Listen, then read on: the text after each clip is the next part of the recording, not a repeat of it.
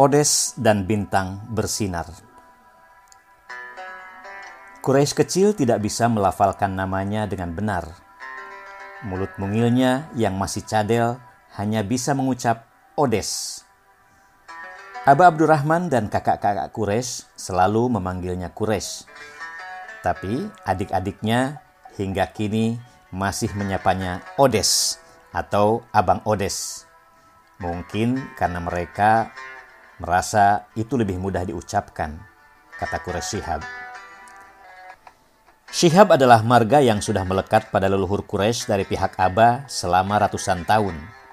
Shihab merujuk pada dua ulama besar, Habib Ahmad Shahabuddin Al-Akbar yang wafat di kota Tarim, Yaman pada tahun 946 Hijriah dan cucunya Habib Ahmad Shahabuddin Al-Asghar yang wafat tahun 1036 Hijriah.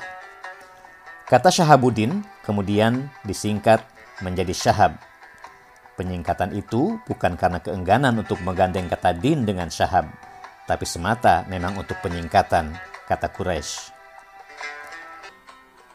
Hampir seluruh keturunan Ahmad Shahabuddin Al-Asghar kemudian disebut bin Syahab.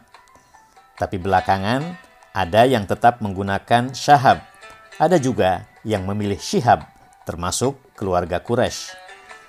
Aba Abdurrahman memilih Syihab, meskipun di Indonesia lebih populer Syahab. Aba bilang, kita pilih pengucapannya yang benar, walaupun tidak populer, daripada memilih yang populer tapi tidak tepat, kata Quraisy. Dalam bahasa Arab, meski pengucapannya beda, arti syihab atau syahab sebenarnya sama saja, yaitu suluh api atau bintang.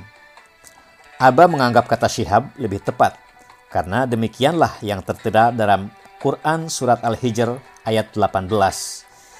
Illa man istaraqa as-sam'a fa'atba'ahu shihabum mubin. Atau dalam ayat As-Saffat ayat 10. Illa man khatifal khatfata fa'atba'ahu shihabun thaqib. Sedangkan kata syahab biasa digunakan dalam obrolan sehari-hari masyarakat Arab. Di negeri asalnya, Yaman, Syahabuddin bukan hanya nama, tapi juga gelar bagi para ulama besar yang terkenal dengan keluasan ilmunya. Mereka bagaikan suluh api atau bintang yang bersinar karena sangat dikenal dari pemikiran dan karya tulisnya. Anak cucu mereka turut andil dalam penyebaran ajaran Islam termasuk ke wilayah Nusantara. Dalam perjuangan melawan penjajah Belanda, sejarah mencatat Tuanku Imam Bonjol sebagai sosok yang mengobarkan perang Padri di Sumatera Barat. Saat remaja, Imam Bonjol disapa Peto Syarif yang mendapat gelar Malimbasha setelah berguru di daerah Aceh. Tapi tidak banyak yang tahu bahwa pahlawan nasional ini bernama asli Muhammad Syahab, keturunan Marga Syahab.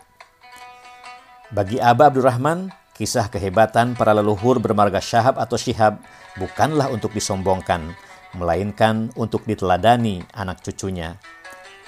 Abah kerap mengungkap cerita itu untuk mendorong anak-anaknya mengikuti jejak keistimewaan mereka, menjadi suluh api atau bintang yang bersinar yang memberi petunjuk arah dan tidak menyimpang dari ajaran leluhur.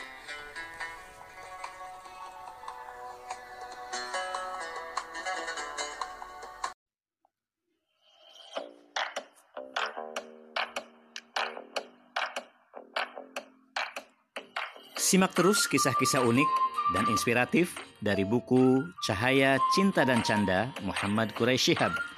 Hanya di The Clouds